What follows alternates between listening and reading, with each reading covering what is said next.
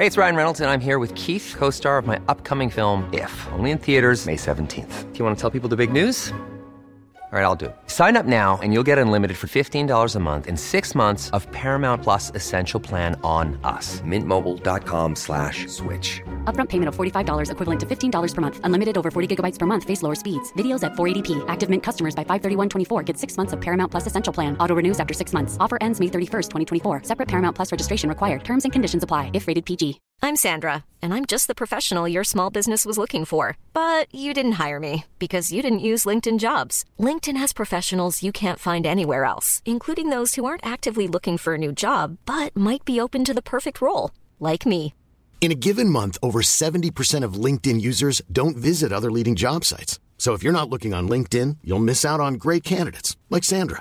Start hiring professionals like a professional. Post your free job on linkedin.com/people today. Millions of people have lost weight with personalized plans from Noom, like Evan, who can't stand salads and still lost 50 pounds. Salads, generally, for most people, are the easy button, right?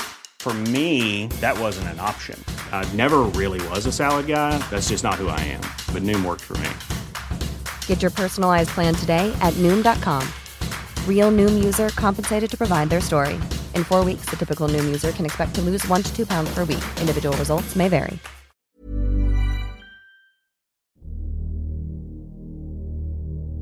Den 5. mai 1993 forsvant tre åtteårige gutter sporeløst i West Memphis, Arkansas i USA. Det ble lett høyt og lavt av både politi, foreldre og naboer uten resultat, men allerede dagen etter ble kroppene deres funnet i en bekk rett i nærheten av nabolaget de bodde i. Politiet satte i gang med etterforskningen, men etter lengre tid uten resultater og et høyt press fra lokalbefolkningen og medier, gikk de drastisk til verks for å avduke motivet for drapene. Tre lokale tenåringer ble arrestert for gjerningen, og etter lange avhør og en forbausende tilståelse var det duket for rettssak. Men var det disse som var de virkelige gjerningsmennene? Dette er den frustrerende historien om The West Memphis Three.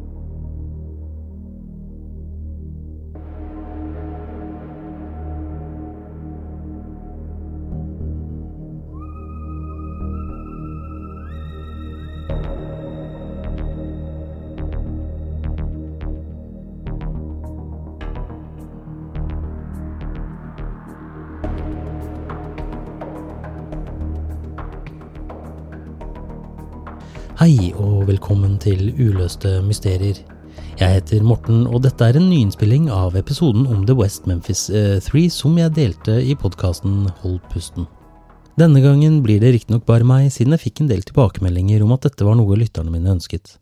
Innen eh, denne episoden kommer ut, har også podden nådd 100 000 nedlastinger, noe som er helt utrolig. Jeg vil takke dere alle eh, for å ha lyttet til denne podden, og for den fantastiske støtten jeg har fått det siste året av dere lyttere. Dere er rett og slett utrolige. Mange av dere har eh, sikkert også merket at det plutselig har kommet reklame både før og etter episodene. Dette har jeg aktivert fordi jeg ønsker å gi noe mer tilbake til dere i form av T-skjorter, kaffekopper og annet merch som luer, capser og den slags ting. Alt sånt øh, koster en del penger, og planen er derfor å bruke inntektene fra reklamen til å kjøpe inn slike ting for å gi det bort til trofaste lyttere utover året i form av konkurranser, eller rett og slett en øh, til et godt tips til saker jeg velger å dekke. Så jeg håper dere synes denne ordningen er innafor. Denne saken er både interessant og frustrerende. Jeg blir eitrende forbanna hver gang jeg går gjennom saken, enten ved å lese om den eller se dokumentarer, for det er så utrolig mye udugelighet som er gjennomgående for hele saken. Jeg har slitt litt med å holde hodet kaldt i et forsøk på å være objektiv da jeg skrev dette manuset, og jeg har forholdt meg til de tilgjengelige bevisene som finnes. Men jeg har også valgt å bruke logisk tankegang i forhold til indisier og nye bevis som har dukket opp. Den 5. mai 1993, omtrent klokken syv på kvelden, ringte John Mark Byers til politiet. Han var bekymret for adoptivsønnen sin og de to kameratene hans, da de ikke hadde kommet hjem da de skulle, etter å ha dratt for å leke i skogen Robin Hood Hills. Politiet kom til området rundt klokken åtte og begynte noe beskjeden leteaksjon. Det var blitt mørkt, og det var vanskelig for politibetjentene å navigere rundt i skogen. Dessuten var det veldig begrenset hva de klarte å se med bare lommelyktene sine, så de avgjorde at de skulle gjenoppta søket morgenen etter. Men venner og naboer ga ikke opp. De saumfarte deler av skogen etter guttene, men fant ingenting, ikke ett eneste spor. Foreldrene lette i nærområdet og langs kanalen som gikk gjennom skogen. De kjørte rundt i West Memphis og lette mens de ble mer og mer bekymret uten at det ga noen resultater. Morgenen etter klokken åtte startet politiet søket. Ikke bare i skogen Robin Hood Hills, men rundt i hele West Memphis. De fokuserte riktignok søket i skogen der guttene sist hadde blitt sett, og gikk manngard gjennom området, skulder til skulder, uten å finne noen tegn etter guttene. Å kalle området en skog er noe overdrevent. Det er mer en slags kanal med skog på hver side, og enkelte steder blir skogsveksten større og et område litt nord for denne kanalen som har et større skogsområde. Sør for kanalen ligger boligområdene, og i disse boligområdene bodde guttene. Omtrent kvart på to på ettermiddagen oppdaget tilsynsføreren Steve Jones en sko uten skolisser som fløt i en bekk som gikk gjennom skogen på nordsiden og ut i kanalen. Han prøvde å nå den, men skled uti bekken.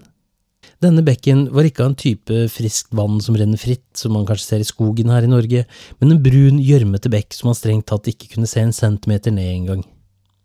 Mens han kava ute der, merket han at han traff noe.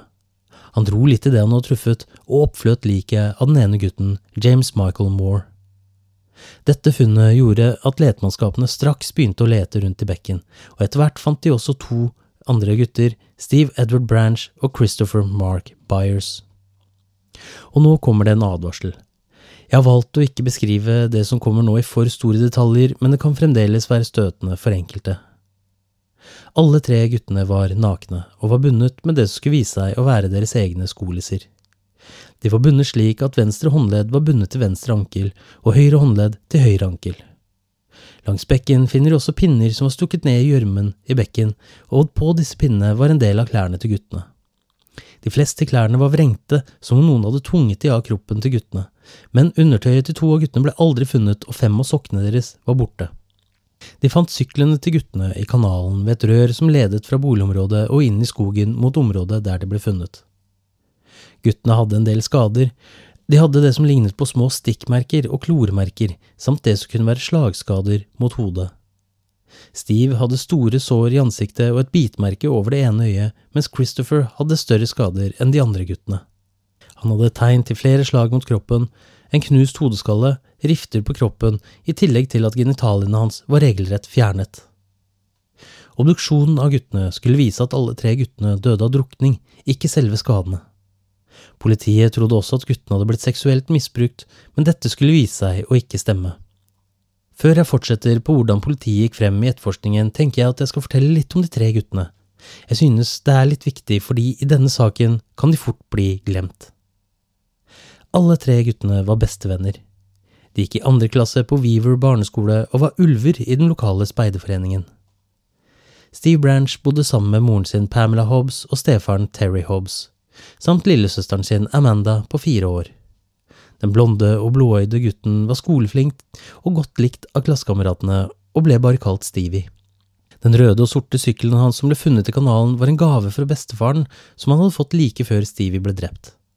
Til tross for at han var vennlig mot alle han møtte og var flink på skolen, var han redd for disiplineringen Terry kunne utsette han for.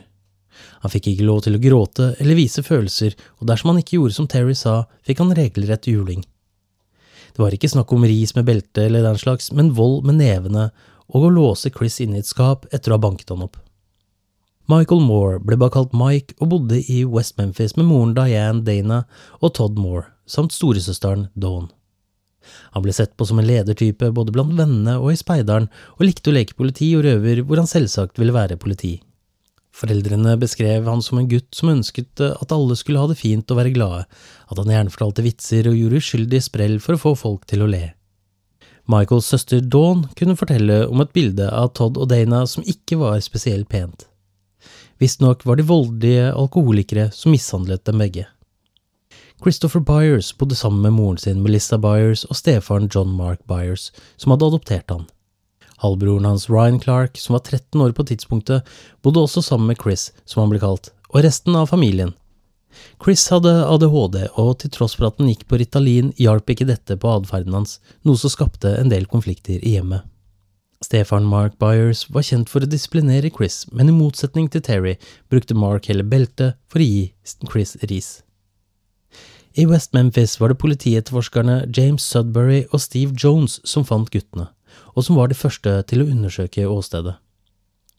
Omtrent med en gang uttrykte Jones at åstedet hadde det som så ut til å være tegn til at noe okkult hadde foregått.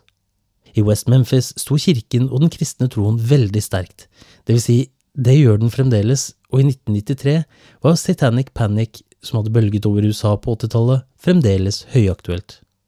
Ikke nok med det, så var han også sikker på hvem som hadde stått bak drapene, en 18-åring han kjente godt til. Ifølge Steve Jones' egne ord, nå har endelig Damien Eccles drept noen. Jerry Driver, som var sjefen for kriminalomsorgen for ungdom på denne tiden, ble bedt av politiet om å sette sammen en liste over ungdommer som de mente kunne stå bak denne grusomme drapssaken. Listen besto av omtrent ti personer, deriblant Damon Wayne Eccles, 17-årige Jesse Miss Kelly og 16-årige Jason Baldwin. De to siste skal jeg komme tilbake til. Den 7. mai kalte politiet Damon inn til et avhør hvor han måtte ta en løgndetektortest. Damon nektet selvsagt for involvering i saken, men testen viste at han på en eller annen måte løy. To dager senere fortsatte politiet avhøret og stilte spørsmål rundt han satanistiske tro. Opptak av avhøret viser at Damon forklarte at han ikke var en satanist, men at han fulgte den paganistiske troen Vika. Han forsøkte å forklare at ifølge hans tro så skal man ikke skade andre, da det vil slå trefoldig tilbake på en, men politiet var ikke særlig interessert i det. De spurte han heller om han hadde kjennskap til forskjellige okkulte ritualer, om vann, blod og slike ting var viktige elementer, og rent hypotetisk, selvsagt, hva han trodde kunne ha skjedd med guttene. Damien svarte som sant var at jo da, vann og blod var viktige elementer i den vikanske troen og kunne være betydningsfulle i ritualer, og det samme var tallet tre. Han mente videre at personen som hadde begått drapene, var en forstyrret person. Videre forklarte han at alle mennesker hadde en demonisk kraft inni seg, og at denne personen ikke hadde kontroll over denne kraften. Med det mente Damien at man har både godt og ondt i seg. Han ble også spurt hva slags bøker han likte å lese, hvorpå han svarte at han likte å lese bøker av Anton Levey og Stephen King.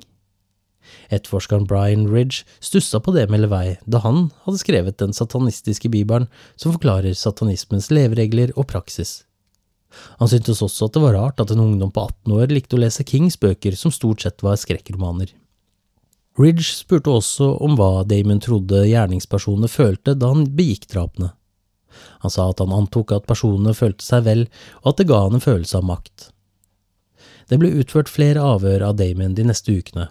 Han viste seg samarbeidsvillig og lot politiet ta både blodprøver og fingeravtrykkene hans for å kunne bli skrevet ut av saken. Ingen av bevisene på åstedet kunne kobles til Damon, og politiet sto nå på bar bakke. På dette tidspunktet begynte politiets etterforskning å stå i stampe, og presset fra media og de pårørende økte for hver time som gikk. Presset og overbevisningen om at guttene var blitt drept i et okkult rituale, gjorde nok at politiet fikk tunnelsyn, og de ga seg ikke med å fokusere på Damon Eccles og de rundt han, til tross for at bevisene ikke pekte i den retningen overhodet. For å beskrive tunnelsynet politiet hadde, kan jeg sitere Gary Gitchell, sjefsetterforskeren. Han uttalte i ettertid at eh, etter noen uker med etterforskning følte han personlig at det var Damien som sto bak drapene. Det gikk så langt at han omtrent kunne se Damon stå i døra da han skulle sove. Etterforskningen var frustrerende og førte til at alle involverte i saken ble utslitte. Men både de og innbyggerne i West Memphis var overbeviste om at det var satanister som hadde drept guttene, og det var ikke helt uten grunn. Samme dag som guttene ble funnet, den 6. mai, var Wiki Hutchison på politistasjonen for å ta en løgndetektortest, siden de mistenkte at hun hadde stjålet penger fra arbeidsgiveren sin. Hun hadde med seg sønnen sin Aaron, som var så urolig at de ikke klarte å eh, gjennomføre testen. Politietterforskeren Don Bray lurte litt på hvorfor Aaron var så urolig, og da svarte han at de tre guttene som var borte, var lekekameratene hans. Videre fortalte han at de hadde blitt drept ved lekehuset deres i skogen. Det skulle vise seg at guttene ble funnet ikke langt unna der hvor Aaron mente lekehuset var. Lekehuset var i realiteten et område i skogen hvor guttene pleide å leke. Bray fattet interesse for hva Aaron visste, og valgte derfor å spørre han ut mer. Han fikk vite at det var satanister som snakket spansk som hadde drept dem. Allerede på dette tidspunktet ble han vist bilder av blant annet Damien, Jason Baldwin og Jesse Miskelly, men han klarte ikke å peke dem ut. I tillegg ble etter hvert forklaringene hans fullstendig usammenhengende og ga ikke all verdens mening. Men en eller annen hos politiet klarte å lekke detaljene om satanister til media, og dermed begynte ilden å spre seg. I slutten av mai, da etterforskningen ikke kom noen vei, utlovte de en dusør på 30 000 dollar til den eller de som kunne komme med opplysninger som kunne lede til en oppklaring av saken. Wiki Hutchison troppet opp på politistasjonen og sa hun kjente Jessie Miss Kelly, og at hun på den måten kunne få kontakt med Damien.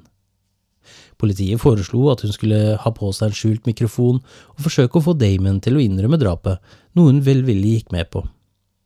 De gjennomførte planen, men til tross for at politiet mente, og fremdeles mener, at opptakene ikke ble gode nok, innrømmet visstnok aldri Damon noe som helst. Tvert imot nektet han for å ha vært involvert. Den 2. juni kommer Wiki nok en gang inn på politistasjonen, og denne gangen forteller hun en ny historie. Et par uker etter drapene hadde hun, Jesse og Damien vært på et Wicca-møte i Torrell i Arkansas. Hun deltok aldri på selve møtet, og fortalte at eh, da de hadde kommet frem til et jorde, så hun flere nakne mennesker som danset rundt et stort bål.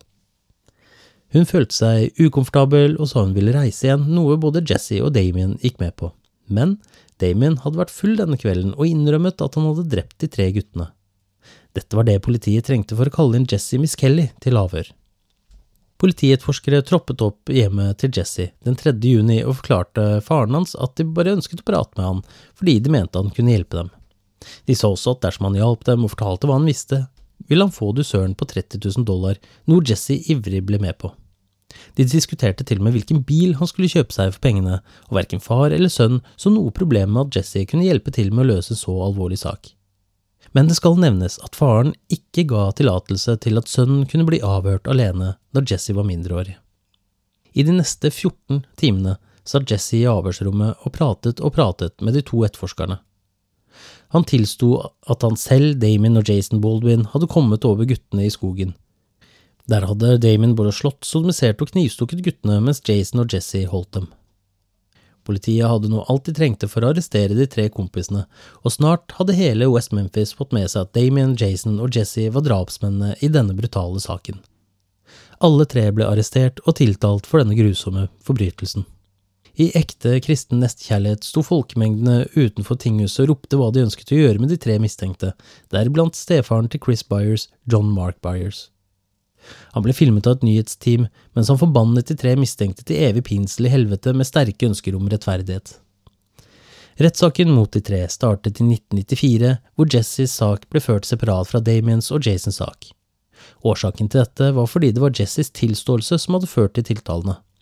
Det er litt fordi enhver som er tiltalt skal ha rett til å konfrontere sin anklager, og at det derfor ville gå imot den tiltaltes rettigheter å bli anklaget av en av sine medtiltalte. Før rettssaken hadde Jesse trukket tilbake tilståelsen sin. Han mente at han hadde blitt truet, overtalt, blitt slitt ut og blitt utsatt for subtile trusler og nærmest blitt veiledet i forklaringen sin. Og selve tilståelsen som ble, som ble spilt inn, ble det gjort et poeng av. Jesse satt i avhør i nærmere 14 timer. Av disse 14 timene ble kun 46 minutter tatt opp. I opptaket kan man høre hvordan Jesse først forklarer at dette skjedde tidlig på dagen, før etterforskerne retter på han helt til han sier at det var på kvelden. Gjennom hele opptaket kan man høre at etterforskerne nærmest formet Jessys tilståelse slik at den passet til narrativet de ønsket seg. Dette til tross for at Jesse bommer på både tidspunkt, på hvilke skader som guttene ble påført, påstander om at Damon og Jason hadde voldtatt guttene, og han bommet fullstendig på hvordan de var bundet.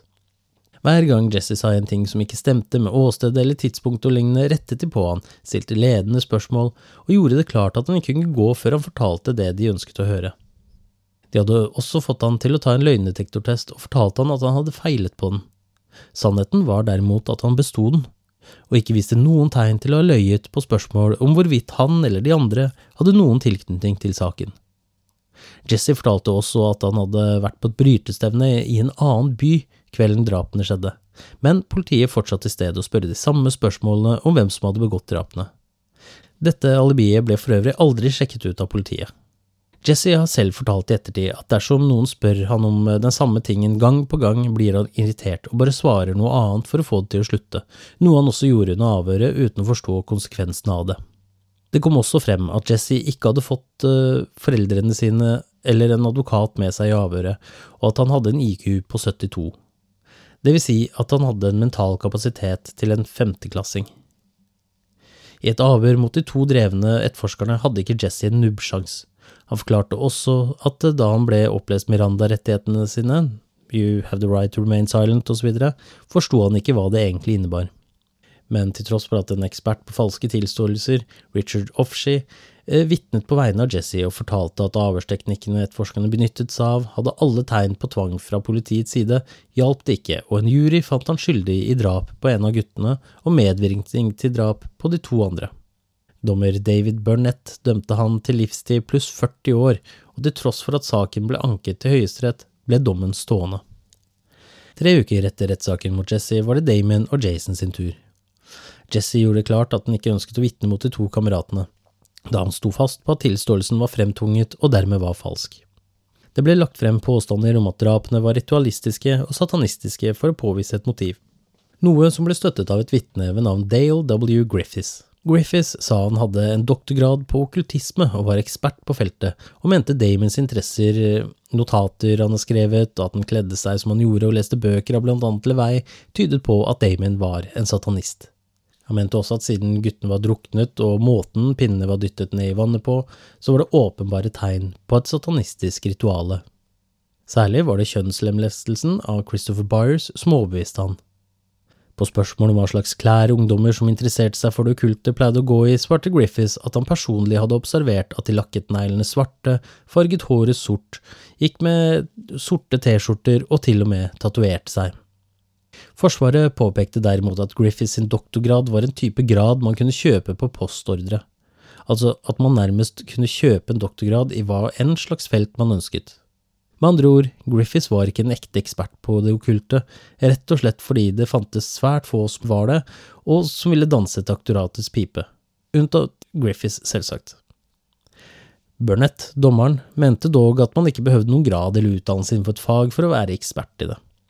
Jeg kan jo også nevne at uh, i 1985, da Satanic Panic virkelig begynte å spre seg, var Griffiths en av de som sto frem som en ekspert på det okkulte, eller som han selv sa, at de hadde alle mulige perversiteter som spredde seg i landet.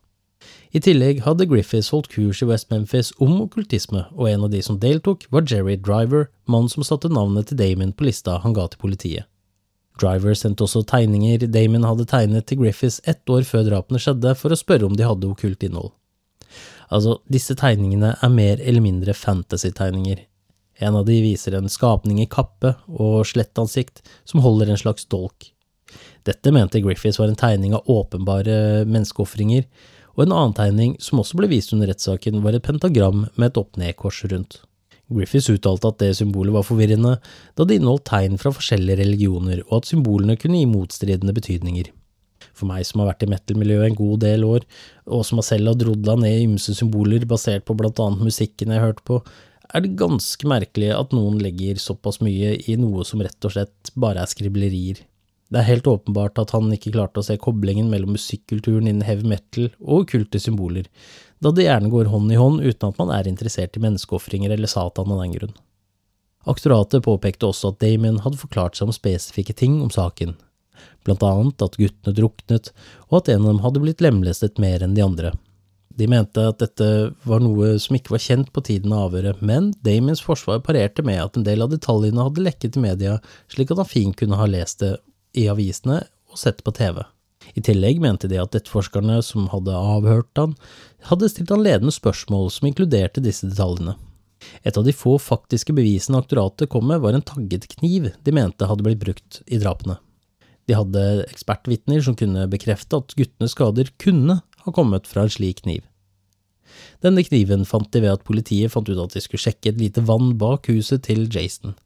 Nøyaktig på det punktet de dykket, fant de denne kniven.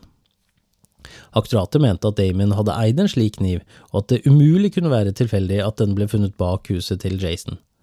I tillegg var de sikre på at det var en slik kniv som hadde blitt brukt for å påføre guttene skadene, og dermed hadde de koblingen de ønsket seg mellom drapene og Damien. Hvorvidt Damien faktisk eide en slik kniv, og om det i så fall var denne kniven, ble aldri bevist. Det ble heller aldri bevist at denne kniven faktisk ble brukt til å drepe guttene. Utover dette var det kun indisier som baserte seg på utseende, avhør hvor etterforskerne stilte ledende spørsmål, og ikke minst tilståelsen fra Jesse. Aktoratet hadde vitner de mente hadde hørt Damien og Jesse innrømme drapene. En gutt mente Jason hadde skrytt av det, og to jenter mente Damien hadde sagt til dem at han hadde drept de tre guttene og skulle drepe to til. Barn hadde fortalt til politiet at de hadde sett Damien spise bakdelen på en hund og slike ting. Men da de ble presset av Forsvaret, dukket opp huller i forklaringen. Da hadde ikke eh, Jason og Damon fortalt dem det direkte, men de hadde overhørt det. Etter å ha blitt presset mer, fortalte de at eh, de hadde stått nokså langt unna, men visste at eh, det var dette de to tiltalte hadde sagt. Mark Byers ble også kalt opp til vitneboksen. Han hadde nemlig gitt en kniv til kameramann Doug Cooper, som jobbet med en dokumentar om drapene. Da Cooper fikk kniven, ble han bedt om å sende kniven til politiet i West Memphis. Byers mente at kniven aldri hadde blitt brukt, men da de fant blodspor på den, eh, endret han forklaring og sa han hadde skåret hjortekjøtt med den. Da han ble fortalt at eh, det var menneskeblod som matchet hans og Chris eh, sin blodtype, sa han at han ikke ante hvordan det kunne ha kommet dit. Jeg skal komme tilbake til Mark Byers etter hvert. Jeg skal ikke gå gjennom hver eneste detalj fra rettssaken, mye fordi store deler av den rett og slett var en farse som var påvirket av The Satanic Panic, nærmest en heksejakt à la Salem. Jeg skal komme tilbake til noen detaljer litt senere, da jeg skal gå gjennom noen flere indisier og faktiske bevis som har dukket opp i senere tid. Forsvareren til Damon sa mot slutten av rettssaken at det å dømme noen for hvordan de går kledd, hva slags musikksmak de har, og hvorvidt de interesserer seg for det okkulte, i seg selv ikke skal være nok. Han påpekte at det ikke fantes noe bevis som knyttet hans klient til åstedet eller ofrene, annet enn påstander fra enkeltpersoner som ikke kunne bevises. Jasons forsvarer gjorde et poeng at det å dømme noen fordi de kjenner noen, er farlig. Guilt by association. Aktoratet påpekte at det ikke var noe galt med å gå kledd i svart eller høre på heavy metal i seg selv, men hvis man kombinerte dette og attpåtil tittet inn i Damons sinn, vil man se at han ikke hadde noen sjel. Både Damon og Jason følte seg trygge på at de ikke ville bli dømt. De mente de var uskyldige, og uskyldige mennesker ble jo ikke dømt i en amerikansk rettssal. Til deres store overraskelse fant juryen dem skyldig i drap på de tre guttene. Igjen var det Burnett som var dommeren, og han dømte Jason til livstid uten mulighet for prøveløslatelse, og Damien fikk dødsstraff ved en dødelig injeksjon. Foreldrene til guttene var selvsagt fornøyd med straffene. Pam Hobbs sa hun skulle ønske de kunne stilles opp mot et vegg og bli utsatt for det samme de utsatte barna deres for, Melissa og Mark Byers var glade for at de ikke kunne drepe flere barn noensinne igjen, at de kom til å brenne i helvete for det de hadde gjort, og at ingen straff ville være hard nok for dem.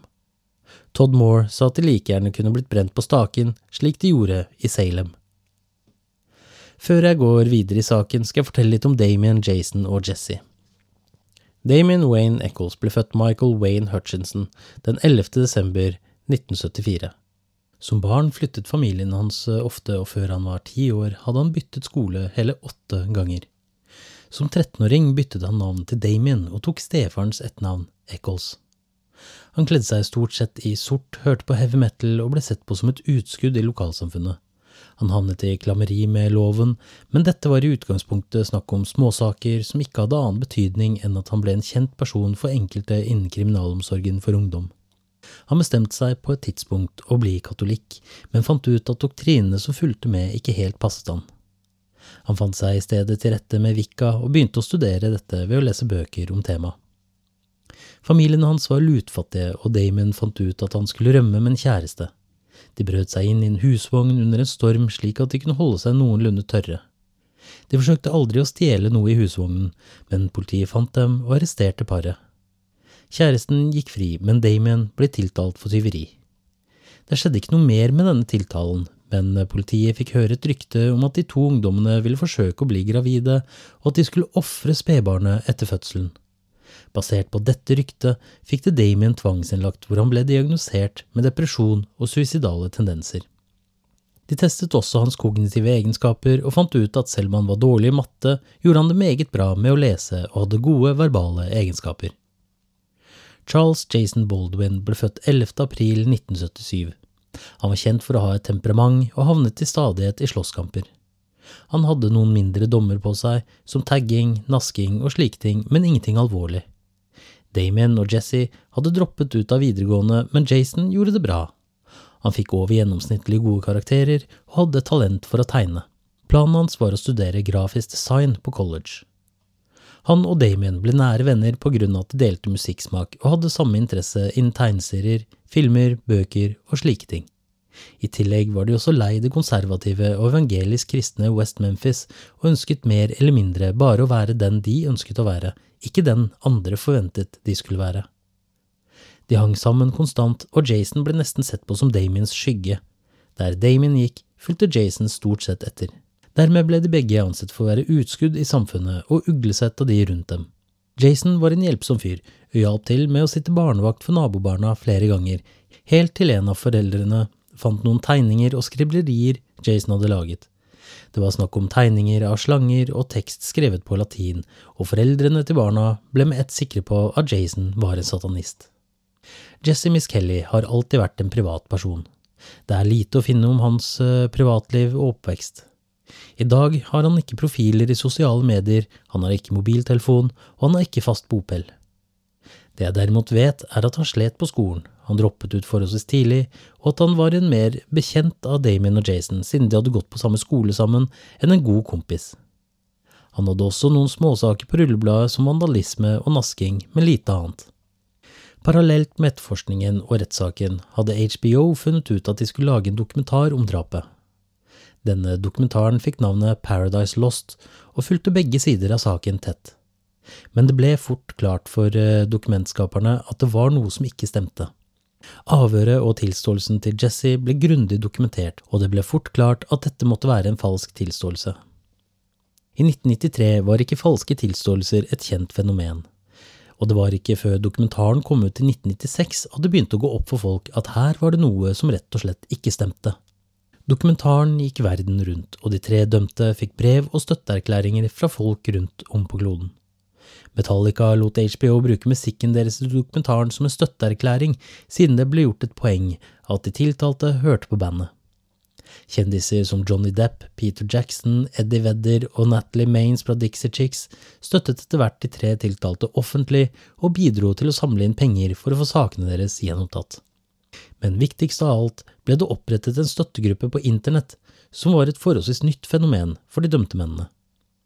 Støttegruppen arbeidet utrettelig for å sette press på media, rettssystemet og politiet for å frifinne det de mente var de uskyldige, og finne den eller de som hadde begått drapene.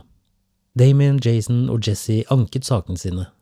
De ble avslått én etter én, men de fortsatte kampen mot rettssystemet. Jeg skal nå gå gjennom bevis som har dukket opp med årene i kronologisk rekkefølge. Men først skal jeg ta opp en ting som kom frem under den første rettssaken, nemlig Mr. Bojangles. Den 5. mai i 1993, omtrent klokken 20.42, kom det en afroamerikansk mann inn på fastfood-restauranten Bojangles. En kvinne og datteren hennes kom over mannen på kvinnetoalettet hvor han satt, blødende med den ene armen i blå støtteskinne og virket desorientert og forvirret. Daglig leder Marty King konfronterte mannen og ba han om å gå, og ringte samtidig politiet. Innen politiet kom til restauranten, hadde mannen forlatt stedet, og politibetjenten Regina Meeks valgte å ta forklaringen til eieren gjennom drive-through-vindu. Meeks ble fortalt at det var blod på toalettet, og at hun kanskje burde gjøre noen undersøkelser, men betjenten valgte heller å reise videre. Dette virket ganske merkelig, da de lette etter de tre guttene på dette tidspunktet, og denne Bojangles-restauranten lå kun et par kilometer unna Robin Hood Hills. Dagen etter kom et par etterforskere, deriblant Ridge, for å undersøke toalettet. King ga etterforskerne et par solbriller mannen hadde etterlatt seg, og politiet tok deretter prøver av blodet på stedet. Senere under rettssaken ble Ridge spurtet om disse prøvene og hva resultatet disse hadde vært. Han sa da at han hadde rotet bort prøvene uten at de noensinne ble testet. I 1996 fant Forsvaret ut at eh, det var noe som lignet på bitemerker på Stivis hode, men at det ikke hadde blitt nevnt i obduksjonsrapporten eller i rettssaken. De sammenlignet merkene med avtrykk fra Damien, Jason og Jesse, men de matchet ikke. På dette tidspunktet hadde mistanken begynt å flytte seg mer og mer fra de tre dømte og mot Mark Byers. Byers hadde vært veldig utagerende og aktiv både i dokumentaren Paradise Lost og i media. Han var en person man la merke til, og mange begynte nå å mistenke han for å være den som sto bak drapene, særlig på grunn av kniven som jeg nevnte tidligere. Forsvaret ønsket derfor at han skulle avgi et avtrykk av tennene sine, men etter den første rettssaken hvor tannavtrykk ble et tema, og til han ble spurt, hadde han mellomtiden fjernet samtlige tenner og byttet ut med gebiss. Forklaringene til Byers om hvorfor han hadde gjort dette, var sprikende. I en forklaring fortalte han at han hadde fått de slått ut av en fyr på byen av dokumentaren, i en annen var det fordi han hadde brukt epilepsimedisin og at bivirkning av dette gjorde at tennene falt ut. For ordens skyld, epilepsimedisinen han brukte, hadde ikke slike bivirkninger. I en tredje forklaring hadde han fått de kirurgisk fjernet fordi de plaget han over lengre tid. Det siste stemte for så vidt. Han fikk dem kirurgisk fjernet i 1997, men årsaken var det bare Byers som visste. Det kom også frem at Byers hadde gitt Stevie ris med beltet sitt etter at det ble funnet noe som så ut som et avtrykk av en beltespenne på Stevies kropp men det ble ikke gjort noe avhør av Byers verken før eller etter rettssakene. I 2003 sto Vicky Hutchison frem og innrømmet at all informasjon hun hadde gitt til politiet, var fabrikkert. Hun påsto at politiet hadde truet henne med å få henne dømt for tyveri, og at de skulle ta fra henne sønnen dersom hun ikke samarbeidet med dem, og at hun derfor rett og slett hadde gjort det hun hadde fått beskjed om. I 2007 fikk de endelig testet DNA fra åstedet. Teknologien i 2007 var betydelig bedre enn i 1993, og resultatet skulle endre manges oppfattelse av saken. For det første viste DNA-resultatene fra alle prøver som ble tatt av åstedet, av klær, av pinnene klærne var dyttet ned i vannet med, av trær og greiner i området, av guttene og av skolissene de var bundet med, og sikkert flere andre ting jeg ikke har oversikt over, at ingen av de tre dømte passet til profilen. Et av DNA-bevisene var to hårstrå de hadde funnet inni den ene knuten på lissen som Michael Moore var bundet med, og ut fra dette hårstrået kunne de ta mitokondrielt DNA. I tillegg fant de også et hårstrå på en trestubbe i nærheten av åstedet. Mange true crime-entusiaster har sikkert fått med seg hva mitokondrielt DNA er. I Norge ble Jonny Vassbakk dømt for drapet på Birgitte Tengs basert på slik DNA, men han ble som kjent frikjent. Det som er vanlig rettspraksis i USA, er at MTDNA gjerne ikke brukes til å fastslå en gjerningsperson, slik de gjorde i Norge. Ganske enkelt fordi mange kan ha samme type MTDNA-kode, men det kan bidra til å ekskludere mistenkte gjerningspersoner.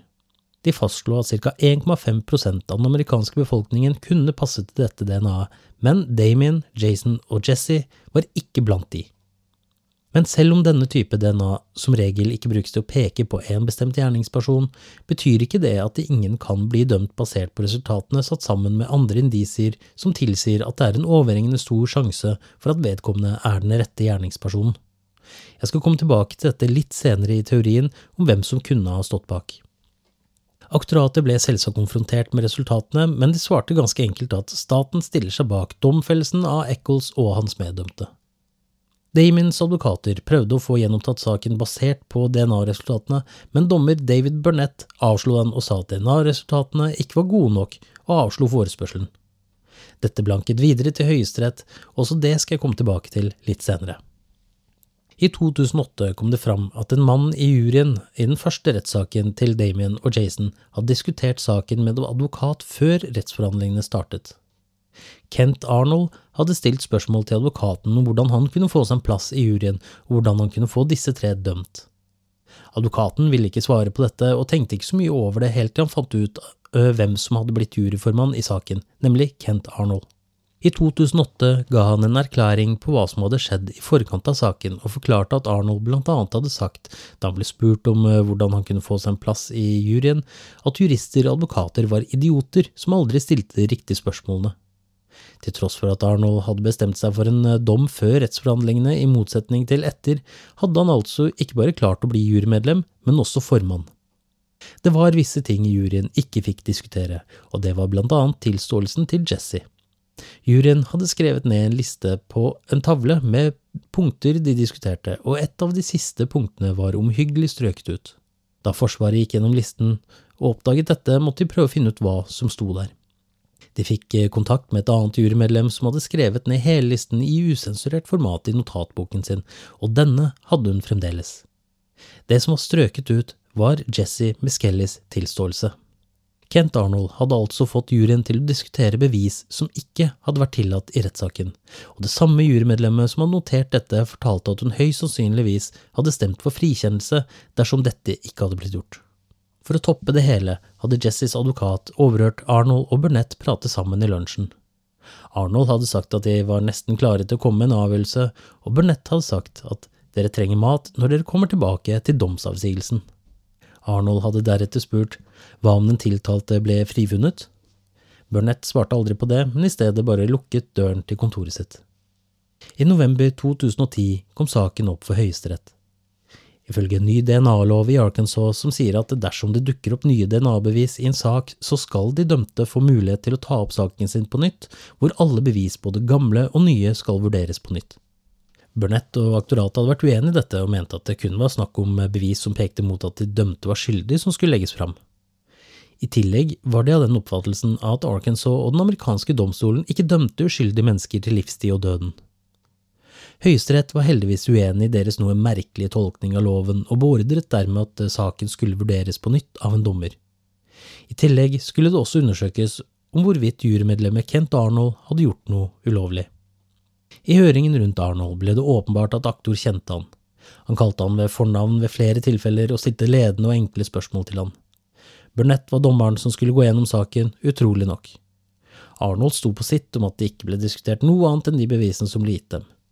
I tillegg kokte beskyldningene bort i en annen ting som omhandlet et annet jurymedlem som hadde fått truende telefoner i forkant av domsavsigelsen. Forsvarerne forsøkte å protestere og si at eh, det var tydelig at juryen ikke var i stand til å kunne komme med en rettferdig dom, men Burnett avviste bryskt og avslo alle klager og forsøk på å få en ny rettssak. Heldigvis for The West Memphis Three ble David Burnett valgt inn til senatet samme år, og en ny dommer, David Lazer, skulle vurdere saken. Han sa seg enig med Høyesterett og tillot en ny anke basert på de nye bevisene. Den 19. august 2011 ble det plutselig kalt inn til høring i rettslokalene i West Memphis, godt og vel et par måneder før rettssaken skulle starte. Det som hadde skjedd, var at dommer David Lazer hadde fjernet de tidligere dommene mot de tre mennene og beordret at de skulle få en ny rettssak. Aktor i saken, Scott Ellington, tilbød dermed West Memphis Free en avtale fremfor å ta saken til retten nok en gang. Noen av faktorene var DNA-beviset som ikke bare fritok de tre mennene fra noensinne å ha vært på åstedet, men også moren til en av jentene som hadde vitnet, hadde nå stått frem og ville vitne om at vitnesbyrdet til datteren ikke var sant. Og som om det ikke var nok, hadde til og med flere av familiemedlemmene til ofrene snudd, og sto nå på Forsvarets side, deriblant Mark Byers og Pam Hobbs. Aktoratet tilbød mennene en såkalt Alfred Plea. Det er en veldig spesiell avtale i juridisk øyemed. Det betyr i praksis at de sier seg skyldig i anklagene mot dem, men at de samtidig opprettholder sin uskyld. Med andre ord, de svarer ja på spørsmålet om de er skyldige i anklage, men samtidig sier de seg uskyldig i de samme anklagene. Et vilkår var da at staten Arkansas anså saken som oppklart, og at mennene var dømt på gyldig grunnlag, og dermed kunne de ikke søke oppreisning i ettertid. En annen del av avtalen var at domsavsigelsen tilsa at de hadde sonet dommene sine, etter 18 år og 78 dager og flere ankesaker siden dommene i 1994 kunne Damien Nichols, Jason Baldwin og Jesse Miss Kelly endelig forlate domstolen som frie menn. Det var ikke en lett avgjørelse de tok. Jason var veldig klar for å prøve saken, da han følte at bevisene for at de skulle bli frikjente var veldig sterke, men han valgte å gå med på avtalen fordi, ifølge hans egne ord, de ville drepe Damien, og det var ikke noe han var villig til å ta sjansen på skulle skje. Damien og Jesse valgte å gå med på avtalen med en gang, da de ikke hadde tiltro til at rettssystemet noensinne ville frifinne dem, uansett hvilke bevis som ble lagt frem. Men dere lurer kanskje på hvorfor aktoratet foreslo denne avtalen? DNA-beviset og ikke minst Pam Hobbs var en av de største årsakene, og det er noen detaljer der jeg skal gå gjennom nå. De fant nemlig ut at et av hårstråene som de fant i den ene skolissen som bandt Michael Moore, matchet med MT-DNA-et til Pams daværende ektemann, Terry Hobbs. I 2007, da de fant ut av dette, kalte politiet Terry inn til avhør. Dessverre virket det på opptaket av avhøret at politiet gjorde dette kun for å få det formelt ut av verden. Politiet i West Memphis var fremdeles sikre på at de allerede hadde dømt de skyldige gjerningspersonene, og at dette var bare noe de måtte gjennomføre. Terry forklarte også at han ikke hadde sett guttene i det hele tatt den 5. mai. Han ble også spurt om han hadde alibi, noe han bekreftet. Han hadde vært hos kameraten sin, David Jacobi, i tidsrommet hvor barna sist ble sett, og i tiden etterpå hadde de to kjørt rundt for å lete etter guttene. Men i 2009 dukket det opp to vitner som ø, kunne fortelle at det Terry Hobbs forklarte til politiet, ikke kunne stemme. To kvinner sto frem og fortalte at de hadde sett han rope etter guttene og bedt dem om å komme hjem med en gang. Da var klokken rundt 18.30, og det ene vitnet kjørte omtrent samtidig forbi huset til Hobbs og så at guttene sto sammen med Terry. På omtrent samme tid ble håret fra trestubben testet, også her ble det treff på en person som nå var sentral i Terrys forklaring. Det kunne tilhøre David Jacobi, men her var det også MT-DNA, slik at man eh, ikke kunne si at det uten tvil tilhørte han. Men det tilhørte i hvert fall ikke de tre mennene som var dømt for drapene. Jacobi valgte å forklare seg og innrømmet at Terry hadde kommet innom han, men han hadde reist øh, omtrent klokken 18.10.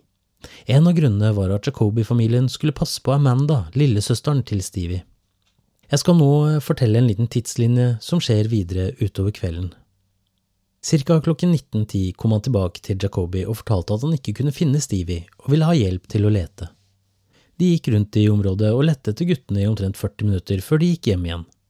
Dette passet ikke helt med det Hobbs hadde forklart tidligere, at han hadde vært hos Jacobi hele kvelden og at de hadde kjørt rundt i området for å lete etter guttene. Ti minutter etter at Hobbs hadde kommet hjem, kjørte Dana Moore forbi og spurte om han hadde sett guttene. Hun kunne fortelle at uh, hun hadde sett dem rundt klokken 18, men ikke etter dette. Hva han fortalte Dana er litt uklart, men han valgte uansett å sette seg i bilen for å følge Dana hjem til henne. I mellomtiden hadde Mark Byers meldt til politiet at Chris var borte, Politibetjenten Meek hadde kommet for å ta rapporten på forsvinningen. Dana så at eh, politiet var hos Byers og gikk derfor bort for å snakke med Meek. Hobbs valgte å forbli i bilen til Meek hadde reist. Deretter gikk Hobbs ut av bilen, og da var klokken omtrent 20.10. Han, Dana og Mark bestemte seg for å gå fra dør til dør og etterlyse guttene. De fikk høre at guttene hadde blitt sett i nærheten av Robin Hood Hills og bestemte seg for å gå i skogen for å lete. Hobbes velger derimot å ikke gå sammen med de to andre, og rundt 2035 eh, beveget han seg mot en annen inngang til Robin Hood Hills, dvs. Si den inngangen guttene stort sett brukte. Dana og Mark forsøkte å lete i skogen, men det begynte å bli altfor mørkt. Hva Hobbes gjorde i mellomtiden, kan man ikke si sikkert, men det neste man vet, er at han dukket opp hos Jacobi for å hente Amanda ca. klokken 21.10. Deretter reiste han og Amanda til Catfish Island, en restaurant i nærheten hvor Pam jobbet. Hun var ferdig klokken 21 og var nok irritert på Terry fordi han var såpass sen. Men i stedet for å fortelle henne at sønnen var borte, valgte han å ringe til politiet fra en telefonkiosk i restauranten og fikk de til å komme dit for å fylle ut savnetrapporten. Det merkelige her er at Terry ventet med å fortelle Pam noe helt frem til politiet kom dit. Hvorfor han ikke ville møte det hjemme, kan man bare spekulere i, men man kan stille spørsmål ved hvorfor han valgte denne løsningen. Man skulle tro at han eh, heller ville ha kommet seg så fort som mulig hjem, tilfelle Stevie hadde kommet hjem i mellomtiden. Etter hvert reiste de hjem igjen, og etter å ha sluppet av Pam og Amanda, reiste Hobbs ut for å lete. Igjen gikk det omtrent 40 minutter hvor Hobbs ikke kan redegjøre for hva han gjorde, annet enn at han påsto at han lette. Han har for øvrig ingen alibi for dette eller de andre tidsrommene. I ettertiden er det dukket opp flere ting som peker mot Terry Hobbs fremfor de tre dømte i saken. To uker etter drapene reiste Terry bort uten å fortelle hvor, med en eneste forklaring om at han trengte å komme seg bort. Pam ble intervjuet om dette fire måneder etter drapene, og hun sa da at ekteskapet var over. Hun fortalte i samme intervju at han pleide å si at Terry han ble ikke sint, men han tar igjen. Pam kunne også fortelle at forholdet mellom Stevie og Terry ikke var godt på noen måte, noe Stevie hadde sagt til henne. Han fortalte at Terry elsket datteren Amanda, men han elsket ikke han. Hun hadde også funnet en kniv som tilhørte Stevie i nattbordskuffen til Terry, og dette var en kniv Stevie alltid tok med seg da han skulle ut i skogen, og han ville aldri lagt den igjen hjemme, og slettes ikke i Terrys nattbordskuff. I tillegg kunne flere familiemedlemmer fortelle at Terry hadde vasket klær den kvelden guttene forsvant. I 2008 saksøkte Terry Natalie Maines og Dixie Chicks for injurier etter at hun offentlig uttalte at hun mente han var en sterk mistenkt i saken. Dette åpnet for at han nå endelig under ed kunne bli spurt ut om saken, og da kom det frem en del detaljer om hva slags person Terry Hobbs er. Han ble konfrontert med at han hadde slått Pam med knyttet neve, det nektet han for, men han innrømmet at han hadde backhandet henne og mente at det ikke var det samme som å slå henne. Da han ble spurt eh, videre om dette, lo han, og da han ble spurt eh, om han mente hun fortjente det, svarte han bare spør henne. Før drapene hadde han også fersket Pam i å kysse en annen mann i hjemmet deres. Han hadde da sverget at Pam skulle få angre dyrt på dette. Før jeg kommer med noen mulige teorier, som jeg ofte gjør i saker som omhandler uløste mysterier, skal jeg fortelle om en gjerningsprofil som en av FBIs fremste profilører lagde. Det var tre unge gutter som var alene i et område de følte seg trygge i, og sånn sett var de ofre med lav risiko. Gjerningspersonen må ha tatt kontakt med guttene på et tidspunkt, og måten dette ble gjort på var viktig fordi det var tre av dem. Man er også sikker på at det kun var én gjerningsperson. Grunnen til at man kan si det forholdsvis sikkert, er det som skjedde med ofrene var sammenhengende. Det var ikke én som ble knivstukket og to som ble kvalt, for eksempel. Det hadde vært indikasjoner på at det hadde vært flere gjerningspersoner. Man tror også at det var noen de kjente fordi denne personen klarte å kontrollere alle tre ofrene uten hjelp. Hvis det hadde vært en fremmed, kanskje en skummel person som kom mot guttene, ville hun ikke flyktet og prøvd å finne hjelp. Det indikerer at dette var noen som kjente én eller alle guttene. Det tyder også på at dette var en person eh, de på en måte stolte på eller respekterte. La oss si de ble fersket mens de røyka eller var ute lenger enn de skulle eller noe slikt, så ville det vært mye lettere for en person som for dem har en viss myndighet å kontrollere dem, eh, fordi de selv ville følt at de burde bli straffet for at de hadde gjort noe galt. Dermed ville de også akseptert å bli straffet på en måte som de kanskje var vant med på grunn av hvor de ble funnet, hvordan klærne ble funnet, og hvordan de ble bundet, tyder mye på at gjerningspersonen var en mann fremfor en kvinne. En ting til som forsterker denne antagelsen, er voldsbruken. De hadde antageligvis blitt uskadeliggjort på en eller annen måte, noe hodeskadene til guttene også tyder på. Tilbake til hvordan de ble bundet, så kan det virke som om det ble gjort for å gjøre flyttingen av kroppene mer praktisk fremfor å forhindre dem i å skulle flykte. Alt i alt virker ikke dette planlagt overhodet, men snarere et raserianfall som gikk for langt. Siden dette var noe som skjedde i et raserianfall, må personen reagere spontant. Dermed blir det bundet på den måten fordi det er en måte personen kjenner til, eksempel som en jeger, slakter eller noen som jobber med dyreskrotter. Noe som også forsterker at dette var noen guttene kjente, er hvor syklene ble funnet. For at gjerningspersonen skulle ha dumpet dem eh, der, må personen ha gått tilbake bort fra åstedet og mot boligområdene, og attpåtil vite om syklene. Å skulle bry seg med å forsøke å skjule disse tyder på at vedkommende kan ha tenkt at syklene ville lede politiet til spesifikt søksområde, og deretter mot gjerningspersonen. Og hadde ikke vedkommende kjent eh, ofrene, hadde neppe personen brydd seg om å bruke så lang tid på å skjule sykler og kroppene og ikke minst klærne. I stedet ville gjerningen blitt gjort og personen forlatt åstedet. Dette var en impulsiv handling, noe som generelt sett kan tyde på at gjerningspersonen var en ung person. Der hvor kanskje en ungdom på 17–18–19 år hadde gjort en slik impulsiv handling, ville nok vedkommende rett og slett bare flyktet fra åstedet og håpet på det beste i ettertid. Men eh, siden personen klarte å samle seg og handle under det som eh, må ha vært et enormt stress, tyder det på at vedkommende var mer moden, kanskje i 30-årene. Teorien fra FBI-profiløren som lagde denne profilen, er at en person som kjente en eller flere av guttene godt, og som hadde et visst myndighetsgrep over dem, og straffet en av guttene for hardt. Det gikk rett og slett over styr i et raserianfall, og dermed i panikk følte han at han måtte drepe alle tre for å beskytte seg selv. Det var med andre ord ikke planlagt i det hele tatt. Profilen er at dette er en mann i 30-årene, gjerne med fast arbeid og et langvarig forhold. Han kjente minst ett av ofrene og hadde sannsynligvis også kjennskap til de to andre. Han var fra nabolaget og var kjent i området. Han var tilbøyelig for å ha voldelige utbrudd og kanskje vært involvert i vold i hjemmet. Straff var noe som var viktig for han, noe han så på som en korrekt disiplineringsmetode. Og til slutt ha en viss erfaring som jeger eller slakter. Av teoriene om hvem som kunne ha gjort dette, begynner jeg med det mest åpenbare, nemlig The West Memphis Three. La oss si at dette faktisk var et satanistisk rituale. Damien, Jason og Jesse hadde funnet ut at de skulle drepe disse tre guttene som de, ifølge Jessys tilståelse, hadde fulgt med på i god stund. Det logiske ville vært at de hadde med seg utstyr for å gjennomføre denne gjerningen, som for eksempel tau fremfor å improvisere med skolissene til guttene. I tillegg skulle man også tro at med tanke på skadene guttene var påført, ville det vært eh, store mengder blod på åstedet. Det ble funnet særdeles lite blod. Ja, det kan tenkes at blodet ble skylt bort i bekken, men dette var en ganske stillestående bekk. Antagelsen var derfor at guttene ble skadet et sted og flyttet dit de var funnet, noe også måten de ble bundet på støtter. Men verken Damien, Jason eller Jesse var store karer. De ville hatt store problemer med å flytte disse kroppene.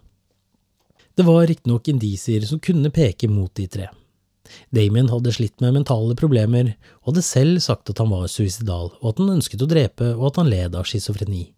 Det i seg selv betyr ikke at man blir en drapsmann, men det bidro til å male et bilde av Damien som passet inn i teorien om at han var hjernen bak det hele. Kniven de fant i vannet bak huset til Jason skulle også visstnok matche med sårene guttene har blitt påført, men eksperter har i nyere tid tillagt flere av disse skadene, deriblant det avskårede kjønnsorganet til Chris Byers, til dyrelivet som levde i området, nærmere bestemt skilpadder. Enkelte typer skilpadder har et ekstremt sterkt bitt og veldig skarpe klør. Ekspertene prøvde dyrelivteorien opp mot skadene de så, og satte sammen med rapporter fra rettsmedisinere som mente at skadene var påført etter at døden var inntruffet. De kom dermed frem til at eh, det de så var mer likt skader av skilpaddetypen i området kunne påføre fremfor en kniv av typen aktoratet la frem som bevis. Så var det tilståelsene. Jesse har jeg gjennomgått, og jeg tror vi kan være enig i at eh, det er en rimelig mangelfull tilståelse på alle mulige måter. Eh, Damien skulle ha tilstått drapene som andre hadde overhørt. Her har som sagt moren til den ene jenta også trukket sin egen datters troverdighet i tvil.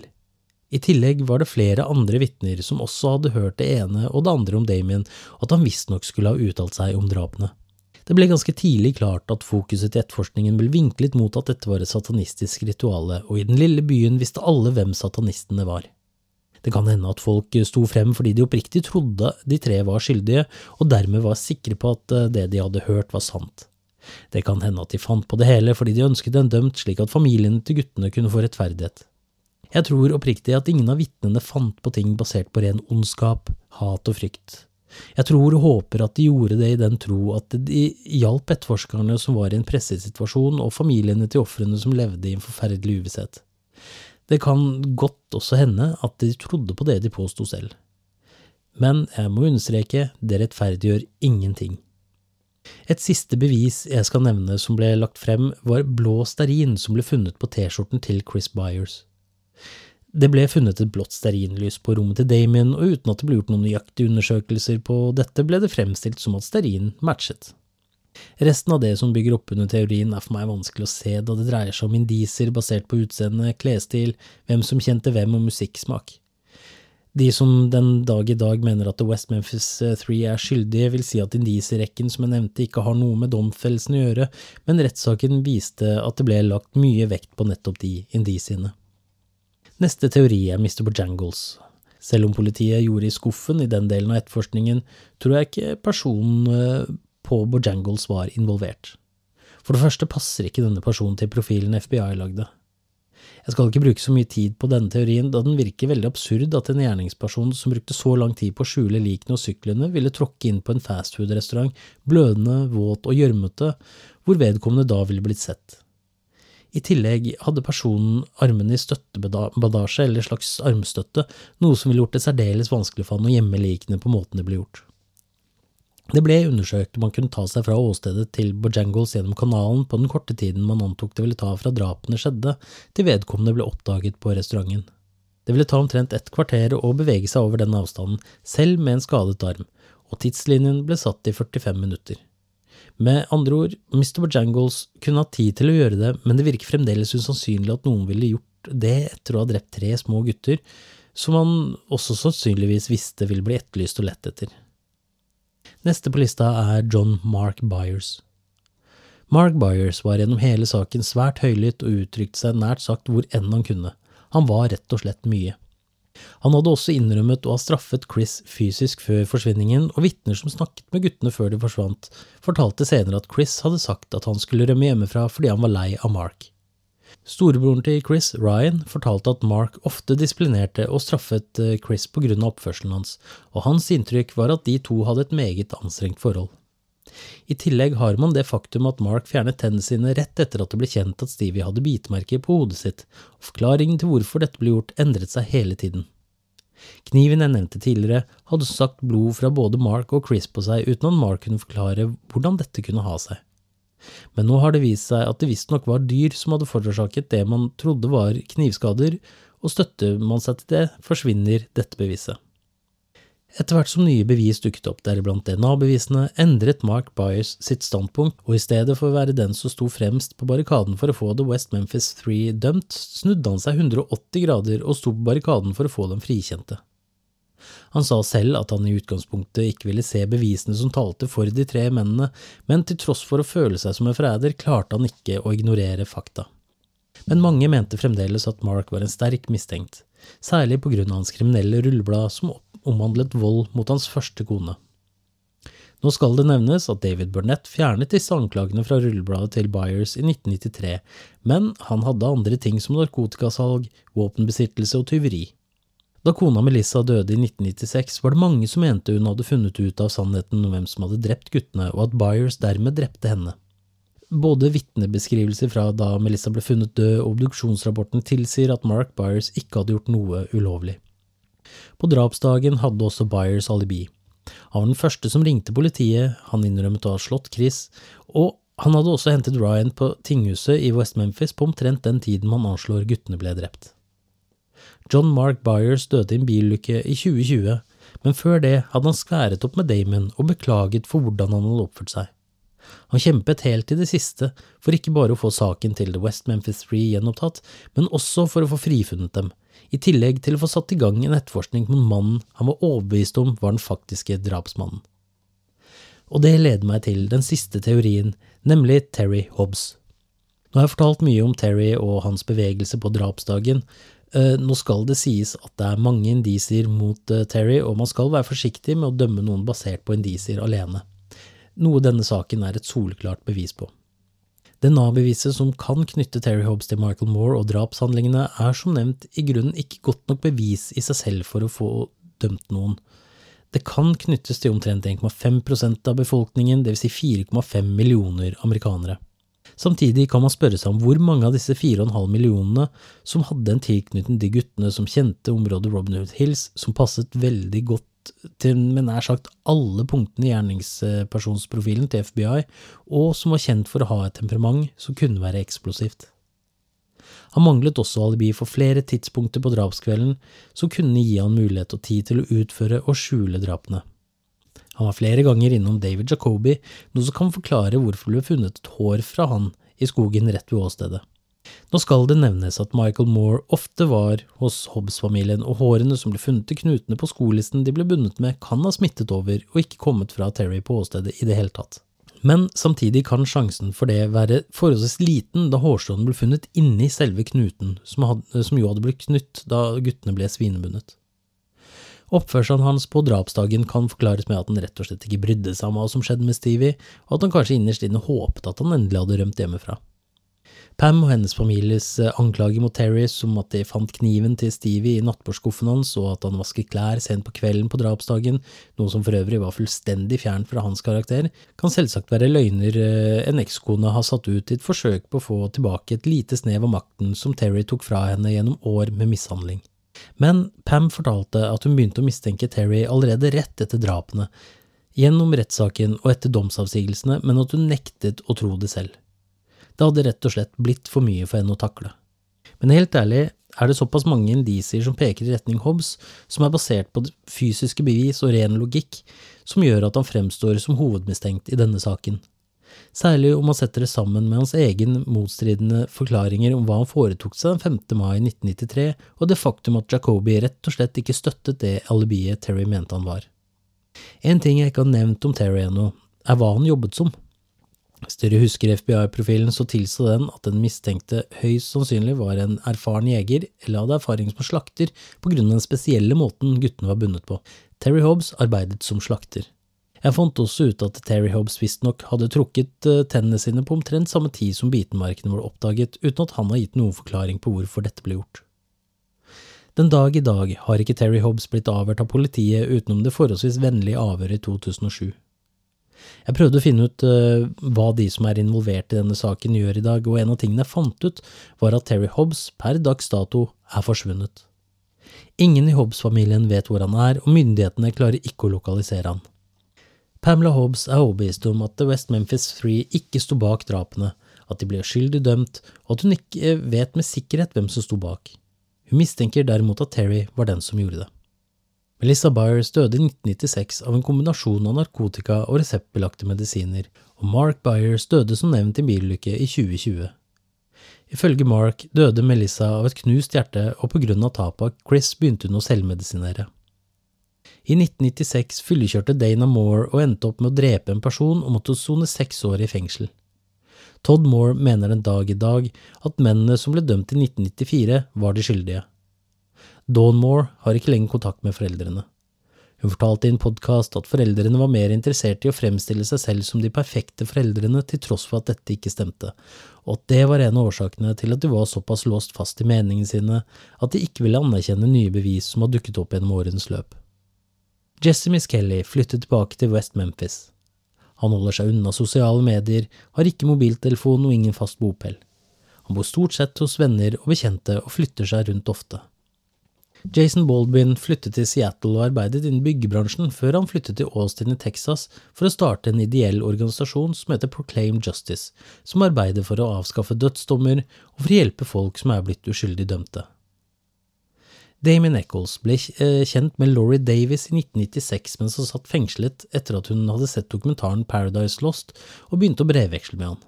De giftet seg i 1999, og etter løslatelsen i 2011 flyttet de først til New York, hvor de fikk bo i leiligheten til Peter Jackson. Deretter flyttet de til Salem i Massachusetts, hvor heksebrenningen på 1600-tallet foregikk fordi selvsagt ville de bo der, før de igjen flyttet tilbake til New York, hvor de bor den dag i dag. Damien har gitt ut flere bøker, annet om opphold i fengsel, og bøker om spiritualisme og troen hans.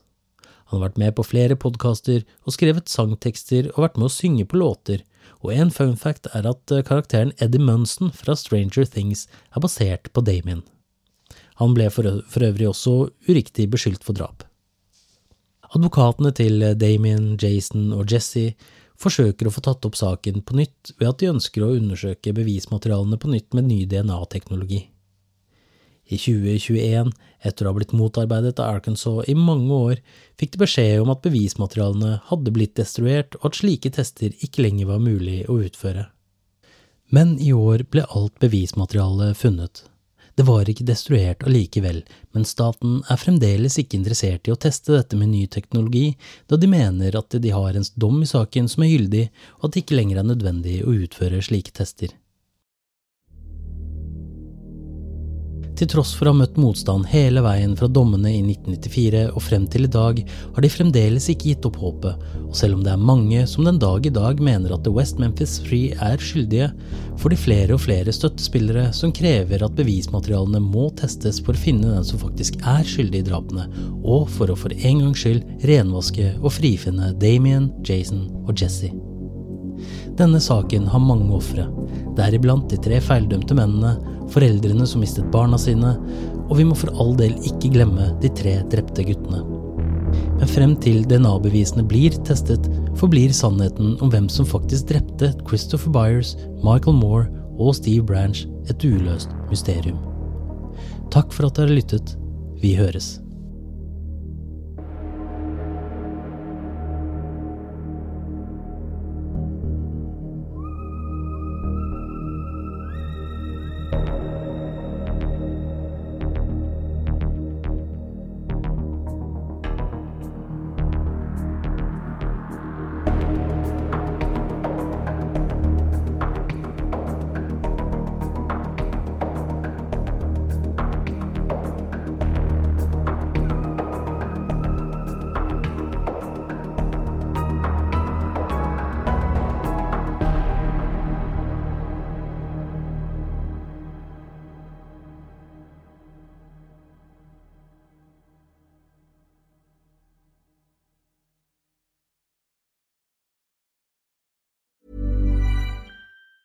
Planning for your next trip? Elevate your travel style with Quince. Quince has all the jet setting essentials you'll want for your next getaway, like European linen, premium luggage options, buttery soft Italian leather bags, and so much more. And is all priced at 50 to 80% less than similar brands. Plus, Quince only works with factories that use safe and ethical manufacturing practices. Pack your bags with high-quality essentials you'll be wearing for vacations to come with Quince. Go to quince.com slash pack for free shipping and 365-day returns.